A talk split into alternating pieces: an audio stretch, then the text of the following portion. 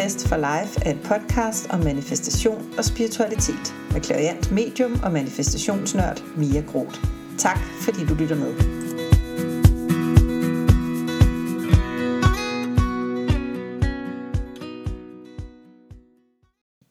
Hey og velkommen til endnu en episode af Manifest for Life podcast. Jeg er så glad for, at du er her. Jeg er så glad for, at du lytter med. Jeg håber, at du har det rigtig dejligt. Det har jeg i hvert fald. Og så samtidig vil jeg så også sige, at min MacBook, som er den, jeg bruger til at lave de her podcast-episoder på, den har netop sagt som en flyver, som var ved at lande. Altså sådan virkelig larmet helt vildt meget. Og øhm, den gør det stadigvæk lidt. Jeg ved ikke, hvor meget du kan høre derude. Men hvis du oplever sådan en hvid støj her i starten af episoden, så er det muligvis noget, der kommer øh, herfra. Så kan jeg også høre min store datter, som er i gang med at ordne køkken, så jeg kan høre sådan skramlende tallerkener. Det kan du måske også høre en gang imellem igennem det her afsnit, så er du advaret. Jeg synes, det er en super hyggelig måde at arbejde på, at jeg kan sidde her og vibe i mit eget hjem med at sidde og dele ud af alt det, jeg gerne vil til dig, der lytter med. Det er så fed en følelse, og jeg er så glad for, at du lytter. Jeg er så taknemmelig og så glad for, at du er her. Fordi lige præcis i den her episode, der vil jeg folde det her ud omkring karma, og til dels også reinkarnation, og mere præcist det her med, hvor meget indflydelse vi har i forhold til de ting, som sker i vores liv.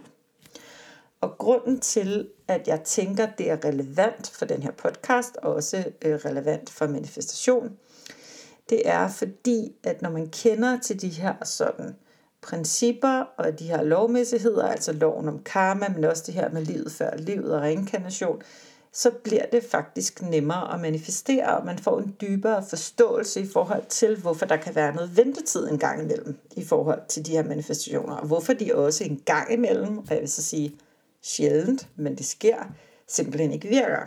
Hvorfor er det, de ikke gør det? Det kan være, at det har noget med de her øh, karma at gøre, men det kan også være, at det har noget at gøre med den planlægning, vi har lavet for vores liv. Så jeg tænker, at jeg starter med loven om karma.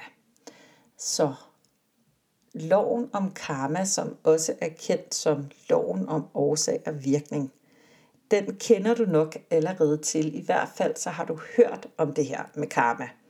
De fleste af os relaterer det her med karma til at være sådan en, en straf, altså noget vi er lidt bange for. Øh, uh, karma's a bitch, den har du hørt. Uh, karma will come after you, karma will bite you in the ass. Alle de her statements, der er omkring karma. Det er sådan en straffelov, kan man sige. Der bliver du dømt, og uh, ikke nok med det, men den straf, du får på karmaloven, det er, at det du har gjort imod andre, eller det dårlige, du har gjort i det hele taget, det vil komme tilbage til dig. Og eventuelt vil det komme tilbage til dig i det samme liv, men det kan også være, at det kommer tilbage til dig i et senere liv. Så loven om karma minder rigtig meget om loven om tiltrækning på den måde, at det du sender ud, jo også er det, du får igen, og sådan er det jo også med karma. Så på den måde kan man sige, at karma-loven og loven om attraction, loven om tiltrækning, at de to love ligesom er flettet ind i hinanden. Det man bare kan sige, det er, at loven om karma, den så går over flere liv. Eller kan gå over flere liv. Det der også er med karma, det er, at de her karmavirkninger, det vil sige virkningen af det, vi har gjort, den her karma, som rammer os sådan i Guds øjne på et tidspunkt. Vi kan ikke vide, hvornår at den karma, den rammer. Det gør den bare lige pludselig, og det er heller ikke sikkert, at den rammer præcis på den måde, som, som er lige med den handling, som vi har gjort, for eksempel i et tidligere liv. Og så er der igen faktisk også lidt forskelle inde i det her med karma. Fordi der kan være karma, hvor man bevidst har gjort noget, for eksempel for at snyde, eller man kan have gjort noget for at gøre andre ondt, det vil sige, at man har haft en intention. Men det kan også være, at man uforvarende er kommet til at gøre nogen noget.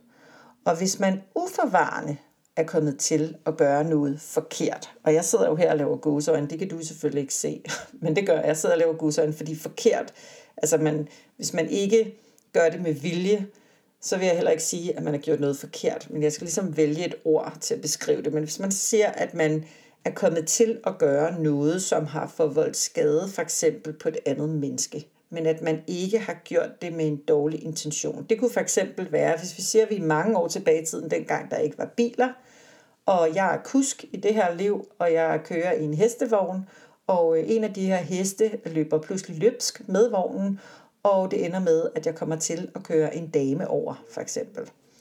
Jamen, så er det jo ikke noget, jeg har gjort med vilje. Det er ikke noget, jeg har gjort med en dårlig intention.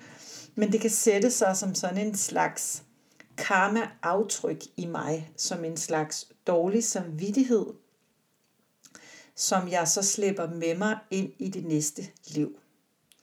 Og i det her næste liv, der kan man så gå til en klaviant eller en anden spirituel, der arbejder inden for karma, og få opløst det her karma, for arbejdet på det, hvis det er samvittighedsbundet. Men hvis det er noget, man har gjort med fortsæt, så kan man ikke arbejde på at få det opløst.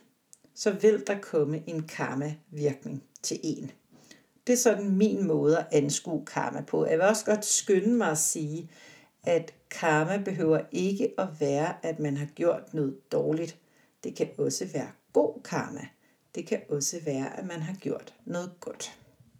Så det er ikke fordi, at jeg er tilhænger af den her straffementalitet i forhold til karma udelukkende, men det er bare sådan tit, sådan vi snakker om det, og sådan den bliver præsenteret.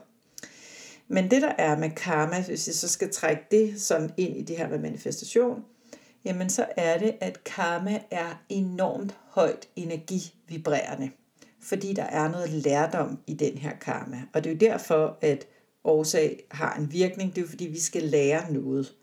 Og øh, vi skal lære noget, når det her karma kommer tilbage til os.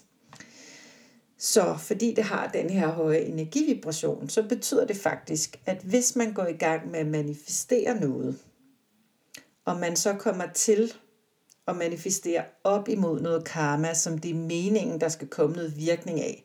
Så lad os sige, at jeg er i fuld gang med at manifestere et eller andet i forhold til kærlighed, for eksempel, for bare lige at tage et emne. Så kan det være, at alt står på linje i mig, men, og alt er sandt, og min indre realitet øh, spiller fuldstændig, og alt er, som det skal være. Jeg tror på det, overbevist om det, jeg føler det, jeg handler efter det, jeg tænker det hele, og alt er godt. Men alligevel, så sker der ingenting. Men det, der så sker i stedet for, det er, at der kommer en karmavirkning til mig. Jamen, så er det fordi, at jeg kan ikke manifestere direkte op imod en karmavirkning. Jeg kan kun manifestere i mine karma-mellemrum, hvis man kan sige det sådan. Altså den tid, der er imellem karmavirkninger, virkninger hvis der er noget karma, ellers så kan man jo bare manifestere dig ud af, hvad det vil sige. Øh, så man kan manifestere i sine karma spaces, sådan, øh, at, altså sådan udtrykker jeg det, eller karma mellemrum. Ja, og det er jo ikke sikkert, at der kommer noget karma. Det kan også være, at, øh, at alt karma er, der er ligesom arbejdet på, at der er ikke noget karma. Og eftersom man ikke ved, hvornår det her karma kommer, så er der sådan set heller ingen grund til at begynde at spekulere alt for meget over, om man kan gøre noget for at undgå det, eller man nu, ikke, nu kan det måske ikke betale sig at manifestere, fordi tænk, hvis der kommer noget karma lige om lidt, sådan kan man heller ikke rigtig se på det, fordi man ved ikke, hvornår det kommer. Det kan bare være en årsag til, at det ikke kommer, men så vil der så til gengæld ske noget andet, som så vil blive ret tydeligt, at det her, det kan så være en karmavirkning. Og når den så er passeret, og man har fået arbejdet med den, og man har fået sin lærdom, så kan man manifestere igen. Og så er der det her med den planlægning, vi selv laver. Inden vi bliver født, og den er faktisk også rigtig relevant i forhold til det her manifestationsarbejde. Fordi jeg tror på, at inden vi bliver født ned i det her liv, der er vi på en slags mellemstation. Og den her mellemstation, det er en anden energivibration, en anden dimension, kan man sige, af vores verden, og det er den samme dimension eller den samme energivibration, som jeg oplever, at guider og afdøde sjæle er på, når jeg laver for eksempel arbejde som klaviant medium. Og øh, det er ret tydeligt, når jeg kommunikerer med de her sjæle, at de befinder sig et andet sted. De befinder sig et sted, hvor at der er nogle andre spilleregler, og de befinder sig også sammen med andre sjæle, hvoraf nogle af dem er nogen, de har haft en tilknytning til, som er gået over, altså nogen, som de har kendt i deres seneste levende liv, men også nogle andre sjæle, som de ikke øh, har haft noget at gøre med i det her liv, men som de måske har haft i deres, øh, i deres omgangskreds eller som del af deres familie i et tidligere liv. Så her er vi inde på det her med sjælegrupper. Og hvis du ikke ved så meget om det her med sjælegrupper, så kan jeg anbefale dig den der klassiske bog, som, ja i hvert fald hvis du har været med i en spirituel bogklub, så er det helt 100% sikkert, at du har læst den. Men nu ser det alligevel øh, af Michael Newton, som hedder Sjælerejser, hvor der er flere bind i samme serie, som går ind og belyser det her med, hvad der sker, når vi befinder os imellem livene, det vil sige efter, at vi er gået bort i vores tidligere liv, og inden vi er blevet født ind i det her liv. Så her taler vi altså om en forståelse af reinkarnation, af at vi lever flere gange, at vi lever liv efter liv efter liv, og at vi har en mellemperiode imellem hver liv, hvor vi befinder os på en anden energivibration. Ja, og øh, nu ved jeg jo ikke, hvad du tror på, så du kan jo tage det fra det her afsnit, som du synes resonerer dig, og resten, det kan du bare sådan skubbe ud til højre. Men det her det er i hvert fald det, jeg tror på, at det er også det, som jeg har erfaring med, når jeg laver øh, det her klavierende arbejde og arbejder som medie i det hele taget. Men det der er, det er, at når vi er her imellem livene, så får vi faktisk mulighed for at have en vis indflydelse på, hvad der skal ske i vores næste liv. Og en af de ting, vi får indflydelse på, det er, hvad vi gerne vil lære. Vi får også til dels indflydelse på, hvad vi gerne vil opleve, men det er fordi, at der er noget lærdom i de oplevelser. Så det er ikke sådan, at vi bare kommer ned i livet og er turister, og så kan vi enjoy the ride, og så kan vi så tage tilbage til der, hvor vi kom fra, og læne os tilbage og, og have en hyggelig kaffestund med de andre sjæle og fortælle om, øh, at nu har vi set øh, Eiffeltårnet og alt sådan noget. Der er ligesom en dybere mening, og den mening er, at vi skal udvikle os til en bedre og mere kærlig kollektiv spirituel bevidsthed. Det er i hvert fald sådan, som jeg har oplevet det, når jeg har lavet, haft de her sessioner og lavet de her øh, guide-kontakt. Og, øhm, og for at opnå den sådan, kollektive bevidsthed, så skal vi alle sammen lære nogle forskellige ting. Og, øh, og den bedste måde at lære på, det er jo ved at gennemgå tingene. Så derfor så får vi indflydelse på, hvad vi gerne vil lære i det næste liv. Og en af de måder, vi får indflydelse, det er, at vi får lov til at vælge vores forældre. Og det har du sikkert hørt om. Det der med, at man selv vælger sin mor og sin far. Øh, og jeg ved godt, at der er mange, der sådan trækker lidt på smilebåndet af det, og, og, og synes måske godt, at de vil have valgt noget andet. Så jeg er nu meget tilfreds med de forældre, jeg har valgt. Og jeg håber også, at mine børn er tilfredse med, at de har valgt mig. Men jeg kan godt forstå, at det kan virke en lille smule abstrakt og uhåndgribeligt og mærkeligt, at man skulle have valgt sine egne forældre. Men sådan er det bare inden for rigtig mange ting, inden for det her spirituelle, at det er jo noget, som vi ikke endnu kan videnskabeligt lægge ud, så det bliver forståeligt for alle. Og det var alligevel så det, jeg prøver lidt på den her podcast. Jeg håber, at du stadig hænger på. Så vi får mulighed for at planlægge, hvem vi gerne vil have som forældre, alt efter hvad vi mener, at de kan lære os. Og de her forældre vil for øvrigt ofte være nogen, som er i vores egen sjælegruppe, det vil sige nogen, som vi enten har haft en relation til i et tidligere liv, eller som vi har en dyb relation til, når vi er i mellemlivene.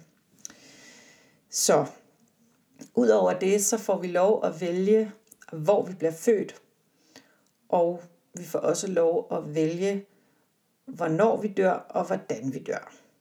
Så det er sådan de, de, sådan de to yderpunkter, øh, når vi bliver født og når vi dør, og så er der så også vores forældre. Men så får vi også lov til at planlægge nogle milepæle i løbet af vores liv, som er hægtet op på det, vi gerne vil lære. Så for eksempel, hvis jeg gerne ville lære i det her liv at sætte grænser, som faktisk har været et tema for mig jo, jamen så vil der simpelthen ske det, at jeg højst sandsynligt vil møde en mand, som vil udfordre den her grænsesætning hos mig. Og det kan være, at mit første parforhold så ikke rigtig kommer til at fungere.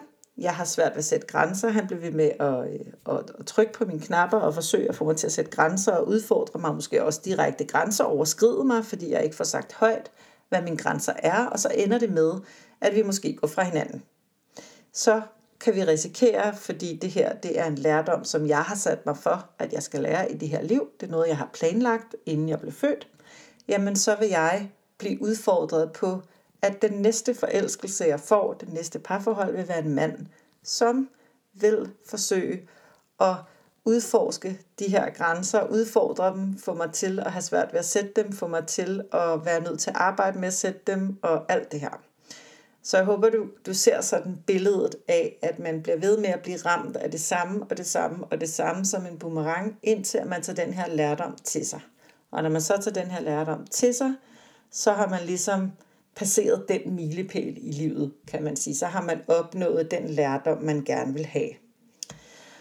Og det her med, at tingene ligesom vender tilbage til en, at de her milepæle, man har sat sig for, man gerne vil opnå i det her liv, den lærdom, man gerne vil have, at det bliver ved med sådan ligesom at konfrontere en.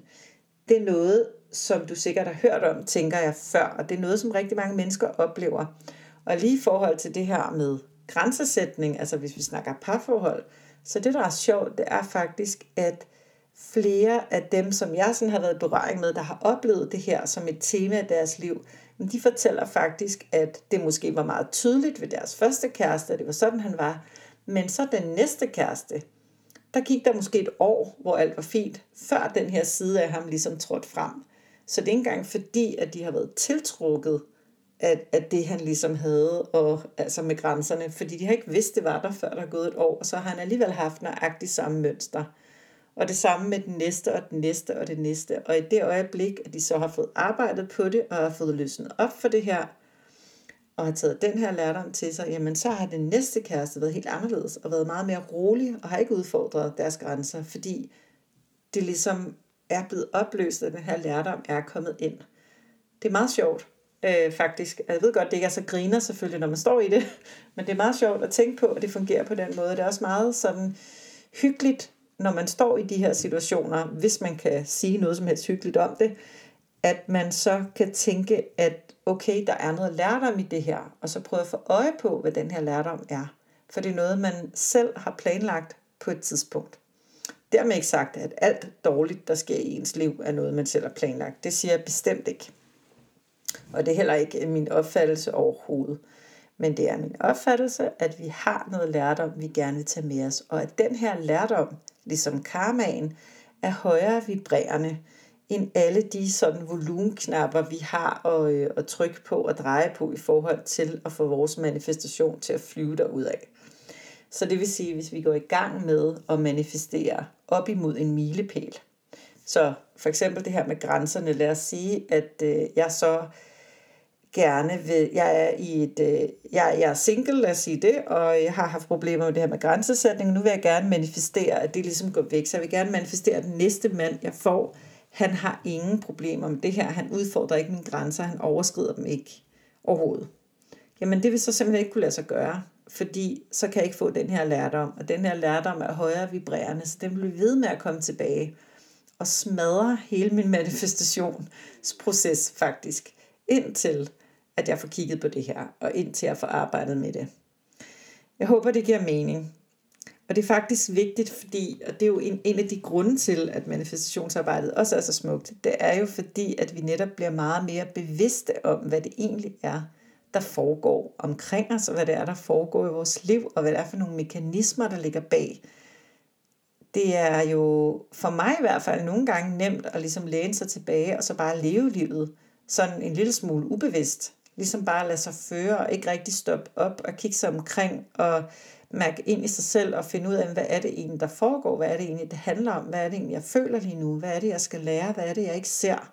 Hele den der. Og der får manifestationsarbejdet ligesom arbejdet så meget i dybden med de her ting, at vi pludselig får en helt anden bevidsthed, en helt anden oplevelse af det nu, som vi står i. Vi ser det fra et andet perspektiv, fra et mere rent perspektiv, og samtidig også for et mere roligt perspektiv.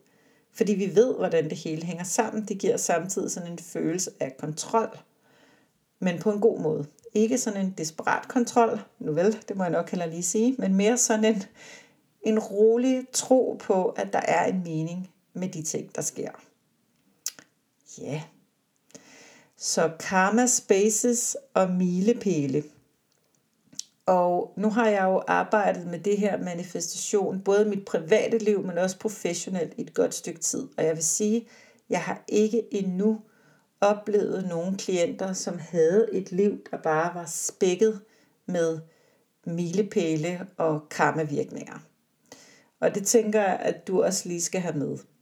Så det er jo ikke sådan, at du nu skal opgive og manifestere det, du drømmer om, det din sjæl længes efter, fordi du tænker, jamen, jeg kan jo ikke vide, om hele mit liv er spækket med, øh, med karma og milepæle og ting, jeg på et tidspunkt har sagt til mig selv, jeg gerne vil lære.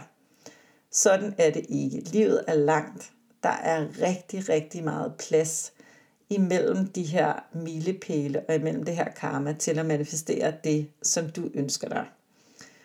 Og derfor synes jeg bare, at du skal go for it, men det her med karmaen og det her med milepælene kan bare være med til at gøre, at hvis du oplever, at din manifestation ikke virker, men der i stedet for sker noget andet, noget der bliver med at komme tilbage til dig, eller en eller anden karmavirkning, et eller andet uventet, der pludselig sker, hvor du tænker, hvad pokker var det? Jamen, så kan det faktisk være årsagen, og når du så er kommet igennem det, når du har fået kigget på det, taget den her lærdom til dig, jamen så kan du fortsætte din manifestation, og så vil den også ske, og så vil den ske hurtigere, fordi så er det renere, så ligger der ikke noget energi at blokere ude foran. Jeg håber, at det her giver mening. Det kan godt være lidt svært faktisk at forklare de her lovmæssigheder på så kort tid. Men igen, jeg vil gerne gemme de sådan rigtig lange afsnit og episoder af den her podcast til at være de episoder, hvor jeg inviterer gæster ind. Så vi måske kan tillade os at tale helt op til halvanden time om et eller andet emne og gå helt i dybden med det og så lade resten af dem være mig, der sådan ligesom bare tjekker ind med det, jeg lige kommer i tanke om, som jeg rigtig gerne vil dele. Hvis vi ikke følger hinanden på Instagram allerede, så er du velkommen til at connecte med mig derinde på Spirit by M eller online på spiritbym.dk. Tusind tak, fordi du lyttede med. Ha' det rigtig godt. Hej hej.